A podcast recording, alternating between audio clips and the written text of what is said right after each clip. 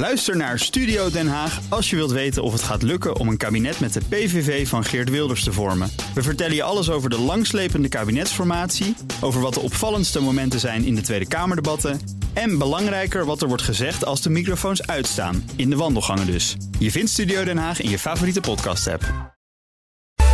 De BNR Techniek Tour wordt mede mogelijk gemaakt door Techniek Nederland. De ondernemersorganisatie voor de installatiebranche en technische detailhandel. BNR Nieuwsradio. De BNR Techniek Tour. Thomas Schuurman. Welkom bij aflevering 2 van de BNR Techniek Tour. Het technische hoogstandje van deze keer beperkt het zicht. Leidt makkelijk tot tunnelvisie.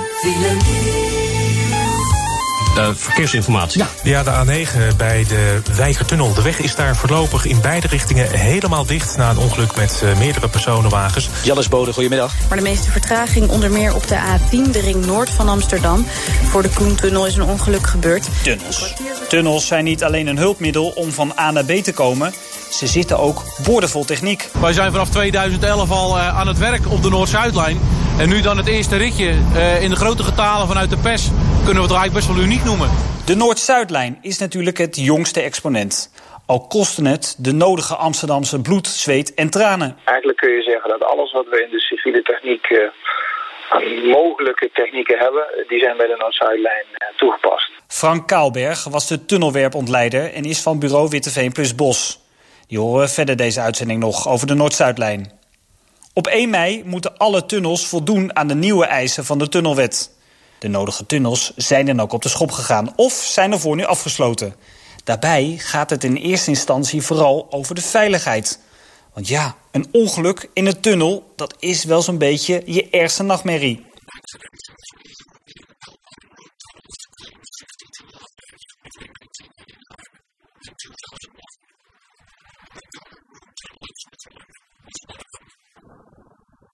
In deze aflevering kijken we hoe technieken helpen bij de veiligheid van tunnels. Maar ook hoe tunnels slimmer en duurzamer worden.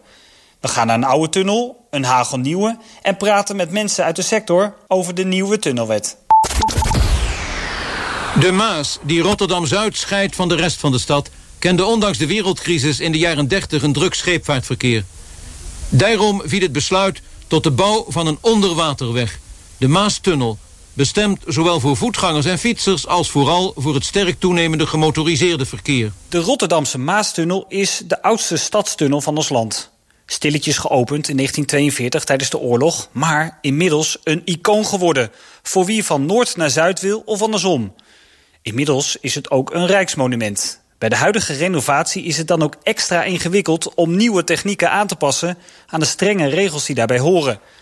Reden te meer om met Bert Hogendijk te praten. Hoofduitvoerder bij Kroon, Wolter en Dros van de Maastunnel. Ik kan ervoor zorgen dat je dat in de Oostbuis uh, optimaliseert natuurlijk. Ja, het, het Rijksmonument kun je zien doordat uh, in principe alle tegels... Hè, bedoel, er zaten vroeger tegeltjes in. Al de tegeltjes die zijn er ook weer in teruggekomen. Die zijn ook al in dezelfde kleur als de oude tegels allemaal nagemaakt. Replica's? Replica's, nou dat is, dat is, dat is één. Uh, de oude lichtbakken die zeg maar in de, in de tegels verwerkt zitten. Er zitten gietijzeren en aluminium onderbakken in. Dezelfde onderbakken die erin gezeten hebben zijn er ook allemaal weer in teruggekomen. Ook de voorramen. Alleen het enige verschil... Gerenoveerd alleen? Gerenoveerd, ja. Alleen het enige verschil is dat er nu een lichtbron in zit die bij een gewone normale uh, openstelling zeg maar vleemkleur kleur heeft. Ja. En dadelijk bij een calamiteit kunnen wat, ze ook... Wat, typ, wat dus zo typisch was voor deze Maastunnel, ja, hè? Ja, vroeger... dat gele licht. Dat gele licht was typisch voor de Maastunnel. Dat wilden ze ook absoluut terug hebben. is ook een monumentale uitstraling, hè? Ja. Alleen dus nu bij een calamiteit schakelt dat over op wit. En er zijn allemaal LED-modules ingegaan. Ja. Dus energiezuinige verlichting. Ik wil al bijna vragen, zijn er nog gloeilampen hier? Nee, er zijn hier geen gloeilampen meer. Nee. Het originele karakter van de Maastunnel komt dus helemaal terug. De Westbuis is alweer een tijdje in gebruik. De Oostbuis moet deze zomer klaar zijn. Het licht is dus aangepast. Er zijn nieuwe ventilatoren, een nieuw veiligheidsplan. Bij alles moet wel extra nagedacht worden. Bij de hulppostkasten bijvoorbeeld. De nieuwe hulppostkasten, de oude zijn natuurlijk allemaal uitgegaan. Er zijn nieuwe hulppostkasten. Afgedekt achter een uh, zeiltje of zo. Nou, je ziet dus hier de hulppostkas is dus echt waar de brandslangen zo in zitten? Waar de brandslanghaspel in zitten. Hè? Dus bij een calamiteit zeg maar, de brandweer gebruik van kan maken. Er Wat maakt het nou zo speciaal? Nou ja, het, het, het, mooie van het hele verhaal is doordat het monumentaal is... is dat er dus een hulppostkas is ingeplaatst... die exact heelt met hele tegelmaatvoering. Dus geen, de architect wilde absoluut geen randjes van millimeter tegel zien of centimeters. Nee, het moest afgewerkt worden in een hele tegel. Dat zie je bij de hulppostkast. Maar dat zie je dus ook weer terugkomen in de pictogrammen. Boven de hulppostkasten, vier tegeltjes in de breedte, één tegel in de hoogte. En dat zie je dus ook weer terug in de camerabeugels. Je ziet daar dus camerabeugels hangen. En die camerabeugels die zijn ook exact eruit gespaard in twee tegels. En dat moet exact matchen met het tegelwerk. Niks, geen halve randjes. Exact uitgemaakt voor de tegelwerk. Hier is dat allemaal omdat het een rijksmonument is? Allemaal omdat, het, omdat de architect wilde dat het allemaal gewoon netjes strak erin zit. En omdat het een rijksmonument is. Ja. Onder verantwoordelijkheid van de gemeentelijke technische dienst begon de bouw op 15 juni 1937. De camera's draaiden toen burgemeester Drooglever Fortuin... Hier zit bijvoorbeeld een luchtkwaliteitsmeting in. He, dat is vroeger normaal in de tunnel gebouwd. Dat is nu door middel van een, een, luchtkwaliteitsmeter in een kastje met een roostertje erboven. Waardoor ze die luchtkwaliteit kunnen meten. Ook dat roostertje zit weer exact geïntegreerd in weer twee hele tegeltjes. Dat het helemaal vlak netjes weggewerkt is. Maar dit is wel een nieuwe ingreep in deze tunnel. Ja, ja, ja. En wat nieuws is er wel. Wat ook, wat ook mooi is, is dat alle oude monumentale uh, in, uh, kastjes, zeg maar, hè, want die zaten vroeger allemaal deurtjes voor en noem maar op. Al die oude inkastjes zijn gebruikt om weer nieuwe installaties in te projecteren. Dus daar gaat dadelijk zeg maar, een monumentaal deurtje voor. Maar daarachter zitten de nieuwste technieken. De vluchtdeur die, die, die sluit dus aan op de westbuis. Hè? Dus hierachter ligt de westbuis. Nou, hier krijgen we dus naast de vluchtdeur dadelijk krijgen we allemaal uh, LED-verlichtingstrips. Die om, om de, de, mensen aan te duiden waar ze moeten vluchten. Dus hij... Was niet duidelijk genoeg dan? Nou, dat zat, vroeger zat dat er wel, alleen niet, nu is het veel uitgebreider. Want nu zijn er bijvoorbeeld ook trapjes gemonteerd die elektrisch uitklappen. Dat was in de oude situatie ook niet. Ik zie daar toch ook een trapje? Ja, maar dat is een trapje, daar, daar, daar, kan je sowieso nog niet meer zakken nu wat er leuning voor staat. En nu wordt dat dadelijk geleid door ledverlichting, waardoor je dadelijk, dadelijk als er een calamiteit is, het trapje uitgaat, de verlichting aanlicht. En mensen exact weten waar ze naar beneden moeten stappen. Hey, en als ik nou zo meteen door die totaal gerenoveerde Maastunnel rij, krijg je dan wel het oude gevoel nog mee? Dat, ja, absoluut. Ja? Ik vind als je door de Westbuis rijdt, ja, er zijn natuurlijk veel meer componenten toegepast. Hè, maar je hebt nog wel steeds het idee van ja, ik rijd door de oude monumentale tunnel. Met name door de kleurverlichting en de tegels natuurlijk die gewoon krek hetzelfde zijn als wat het geweest is. Bert Hogendijk, hoofduitvoerder van de Maastunnel van Kroonwolter en Dros. En een andere naam viel ook al even, Frank Kaalberg, tunnelontwerper van de Noord-Zuidlijn. Een lijn die geboord moest worden. Hoewel dat aanvankelijk nog totaal nieuw was, gold dat later door vele vertragingen de techniek inmiddels sterk was verbeterd. Al was dat maar een deel van de uitdaging. Maar er was nog nooit een tunnel geboord onder een stad uh, die gefundeerd is op palen en in slappe grond. Dat en dat heeft u geweten? Uh, ja, dat hebben we geweten. Maar dat is eigenlijk een, een misvatting die vaak uh, plaatsvindt. Het boren aan zich is ontzettend goed gegaan. En dat is wel leuk dat u die vraag stelt. Want iedereen denkt altijd, er ging van alles mis. Nee, boren is ontzettend goed gegaan. Er is eh, heel veel aandacht gestopt vooraf uh, in de research die nagaande. En omdat er vertragingen was, kon dat ook. Er is veel geïnvesteerd in verbeterde technieken van de boormachine, maar ook in het gedrag van de grond en de gebouwen. Alle gebouwen zijn netjes onderzocht.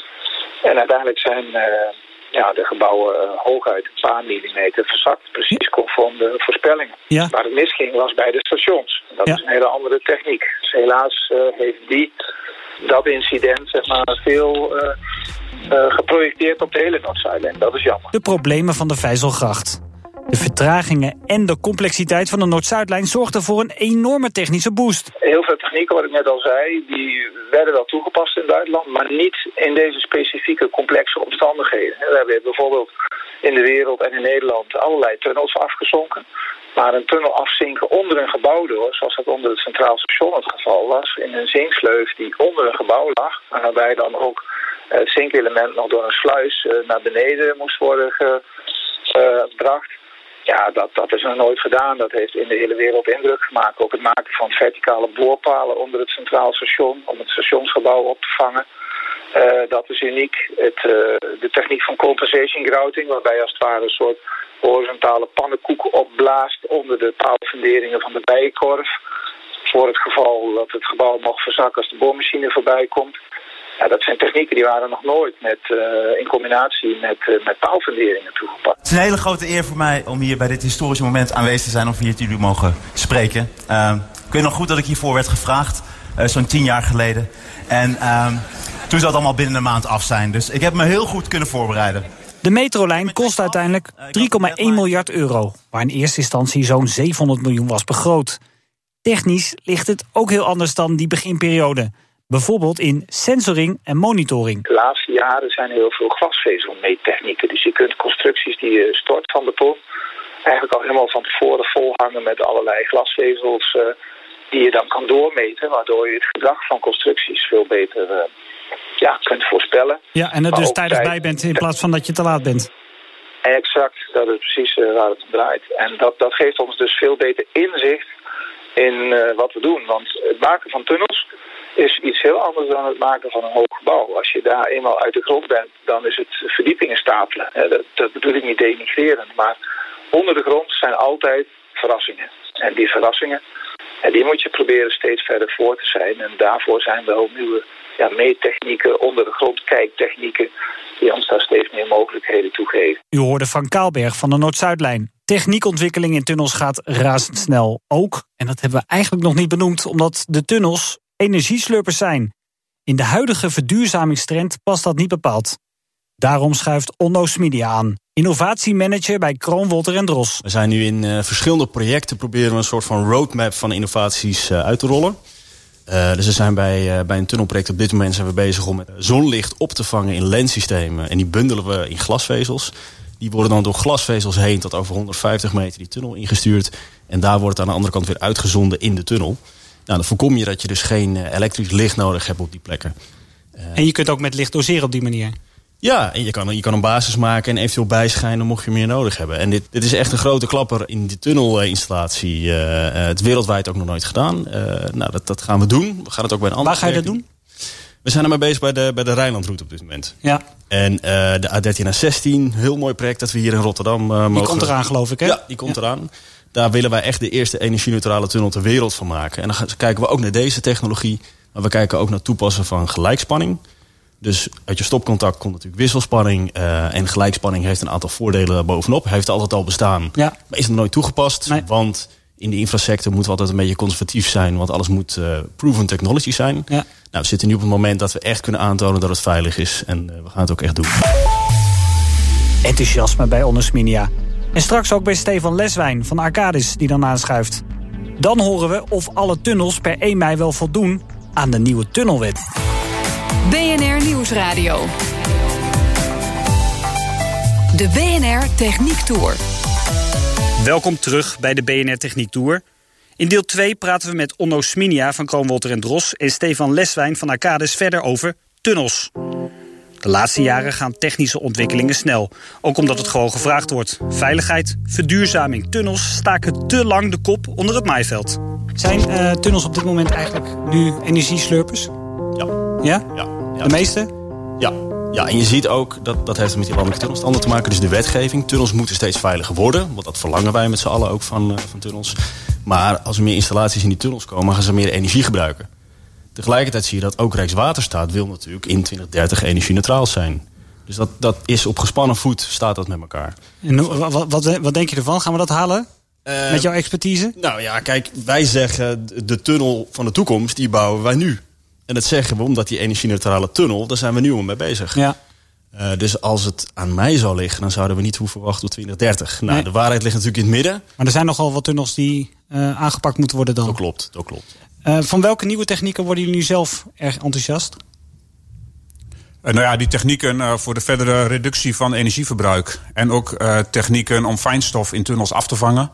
dat zijn wel innovaties die, ja, die we wereldwijd moeten gaan toepassen. Hoe ver zijn we nou mee met het afvangen van, van fijnstof? Nou, ik denk dat we daarmee in de ontwikkelingsfase zijn. In een aantal projecten zie je dat het nu wordt toegepast. En ik denk dat dat nog in de praktijk moet blijken hoe effectief dat is. En dat die techniek nog verder ontwikkeld moet worden. Ja, bij de, in Den Haag, bij de Boogie Woogie Tunnel, gaan ze dat ook doen. Hebben ze toch al over 50% ongeveer dat ze kunnen opvangen? Ja, dat soort percentages, uh, daar gaat het om. Uh, we zijn ook bezig met een studie naar de overkapping van de ring in Antwerpen. Uh, ja, een drukstedelijk gebied. veel, veel, veel voertuigen en daarmee dus ook veel fijnstof. En dus ook daar wordt nu gekeken hoe kunnen we daar die weg beter inpassen in de omgeving. en dan gaat het over overkappen. Maar ja, dan, wat daar dan bij komt kijken is de geconcentreerde uitstoot van fijnstof. Uh, die je dan wel op een goede manier moet kunnen afvangen. Eigenlijk is, is een tunnel niet een enorm technisch hoogstandje eigenlijk? Uh, het is een technisch hoogstandje. Het is er technisch, verschrikkelijk veel in, hè? Technisch zeer complex. Ja. Veel installaties, maar ook veel andere disciplines. Uh, en wat het vooral ook complex maakt, is dat we ze momenteel bouwen in een hele stedelijke omgeving. Dus veel stakeholders hebben uh, die daar ook allemaal wat van vinden. En gaan we, in de, gaan we in de toekomst niet veel meer tunnels krijgen? Of verwachten jullie dat het meestal toch wel boven de grond zal blijven? Nou, ik, ik zie wel dat tunnels, hè, die waren oorspronkelijk bedoeld om uh, een waterweg uh, te doorkruisen. Maar je ziet nu wel steeds meer dat tunnels worden gebouwd in stedelijke omgevingen. Om te ontlasten? Ja, om te ontlasten, maar ook om die stad dus niet meer in tweeën te knippen. En wat je nu ziet ook bij uh, de A10-tunnel in Amsterdam, is daar, daar komt gewoon een stadspark. En daar komt ruimte voor het uh, station Zuid. En uh, er ontstaan hele nieuwe ruimtes, juist omdat die tunnels steeds meer in die stedelijke gebieden komen. Maar het betekent in eerste instantie vooral heel veel overlast. Hè? Uh, de Noord-Zuidlijn is, is natuurlijk erg bekend. Maar zie bewoners maar eens te overtuigen dat je tien jaar een bouwput voor de deur hebt. Nou, daar doen we ook heel erg ons best voor. Ja. Dus wij, wij, zetten ook allerlei technieken in om niet meer lawaai en overlast en extra ja. fijnstof uit te stoten. En waar mogelijk misschien juist iets toe te voegen aan die omgeving. Technology. Eerder hoorden we hoe het Rijksmonument de Maastunnel gemoderniseerd werd met behoud van de originele look. Even verderop, in Den Haag, graven ze zich ook al een tijdje een ongeluk. Een mijlpaal bij de aanleg van de Rotterdamse baan. De nieuwe grote ontsluitingsweg van Den Haag. Maandag begint het boren van een belangrijk onderdeel van die weg. De Victory Boogie Woogie Tunnel. Na zo'n drie jaar komt het einde langzaam in zicht. We nemen een kijkje met Paul Jansen, projectdirecteur. Een man met veel ervaring in deze tak van sport.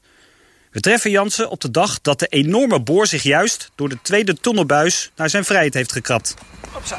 Kijk, we zijn op een aantal dingen best trots op dit werk. Maar uh, 12 januari zijn we begonnen met het boren van, uh, van de eerste tunnelbuis. Die was in begin juli, waren we daarmee klaar. Ja. Toen is de boormachine terug getransporteerd naar het, het startpunt. Zijn we in september weer begonnen met buis nummer 2. Ja. En vandaag uh, stoppen we daarmee. Is die klaar? Ik wil er wel even zien eigenlijk. Nou, kom maar op. We hebben de tunnel genoemd de Victory Boogie Woogie Tunnel. Ja, omdat het stuk hier in het gemeentemuseum hangt hè, van ja. uh, Mondriaan. Het is natuurlijk het mooiste schilderij wat er in, uh, wat er in Nederland hangt. Uh, dat hangt hier in Den Haag uiteraard. De tunnel, en het was een initiatief van de directeur van het gemeentemuseum... om die tunnel te vernoemen naar dat schilderij. Nou, toen, vond, toen vonden we het eigenlijk wel leuk om de voorkant van de tunnelboormachine te verven in die kleur. Ja, dus uh, het geel, het rood en het blauw. Ja, maar als je bedenkt dat uh, deze tunnelboormachine... die heeft dus nu uh, twee keer de lengte geboord. Dus ongeveer 3.500 meter heeft hij geboord. Ja. En, als je, en je ziet dat die kleuren nog ontzettend goed uh, waarneembaar zijn. Nou, bent u nou niet... Ah, oké, okay, ja, nee, ja, ja, het, is, het is toch wel wat afgevlakt. Ja, het is... Mondriaan zou er niet gelukkig van worden. Nee, nee, nee. Uh, ome Piet die zou zeggen van uh, dat mag wel wat feller. Oké. Okay. Maar en wie ziet ze wel? Je ziet, je ziet ze nog wel. Ja. Een tunnelboren is niet nieuw. Wat wel nieuw is in Den Haag, is dat de tunnel niet meer het stratenplan hoeft te volgen. Nou, hier hebben we het eigenlijk totaal anders aangepakt. We hebben hier met een liniaal gewoon een, streep getrokken van ja. daar moet hij komen en daar moet hij eindigen. Ja. En dwars onder de, de, de huizen, onder de panden doorgegaan.